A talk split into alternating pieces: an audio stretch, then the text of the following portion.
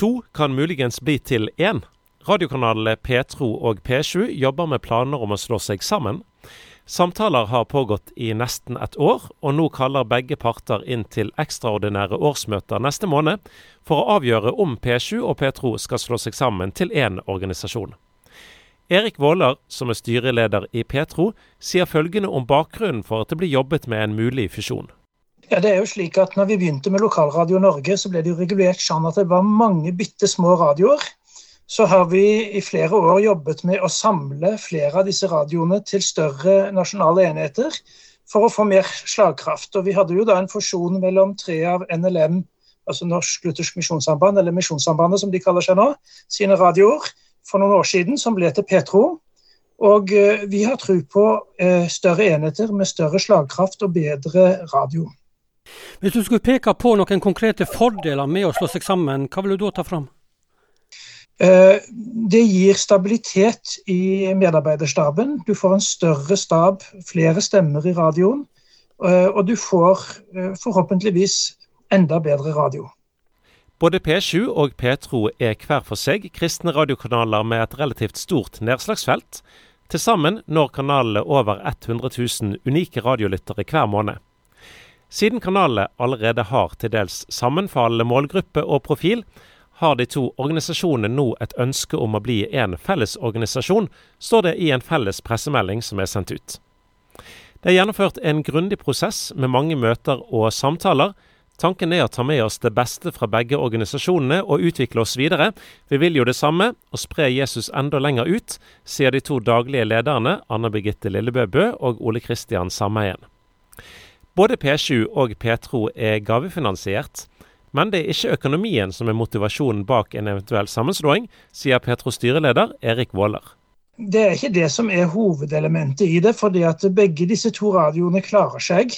Nå er det ikke slik at det går av seg selv, vi må samle inn og ha fokus på det hele tiden. Eh, men det er ikke først og fremst for å spare, men det er for å lage et bedre eh, radiotilbud. Og så er disse to radioene blitt likere og likere. Eh, og da er jo spørsmålet om vi skal fortsette med to ulike kanaler, eller om vi skal lage én som er enda bedre. Men en sender på ulike DAB-nett rundt om i landet. En vil vel spare noen kostnader med, med sendeutgifter, kanskje? Ja, Hvis vi samler alt på én kanal, eh, så vil vi eh, altså, som, som, som, når lengre ut, så vil vi sånn i første omgang spare litt. Men så hvis vi skal sende i flere områder, så vil det vel bli litt dyrere òg. Så, så, det er ikke det som først og fremst er, er målet. Målet er å nå flere med evangeliet om Jesus. Eh, betyr dette at en vil nå ut til et større område eh, av landet på DAB-nettet hvis en går sammen disse to radioene? Ja, Nå kan jo ikke jeg eh, bestemme hva som skal skje fremover, men det er det som er intensjonen eh, med eh, en fusjon, er at vi skal bli en, større radio og landsomfattende. Hva programprofil er det tenkt på en sånn radio som dette her? Kan du si noe om hva lytterne vil få?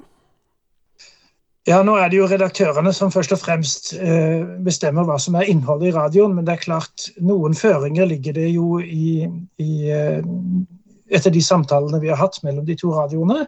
Og eh, jeg, jeg, tror ikke at verken lytterne i P7 eller Petro vil oppleve veldig store endringer.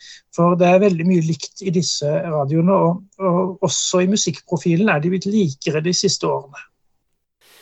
Mens eh, Petro radiokanal driver P7 også prosjekter med mediemisjon i utlandet og TV-sendinger. Vil eh, TV-arbeid og prosjektene holde fram ved en mulig fusjon?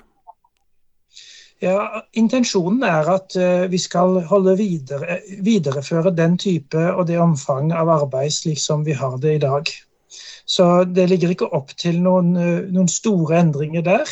Men det er klart, et nytt styre for den, en eventuelt fusjonert kanal vil jo ha mulighet til også å gjøre, eh, justere kursen. Men, men sånn i utgangspunktet så er det ikke lagt opp til store endringer. Nå står det en mulig fusjon i pressemeldinga som er sendt ut nå. Hvor langt eh, er planene om eh, dette kommer nå?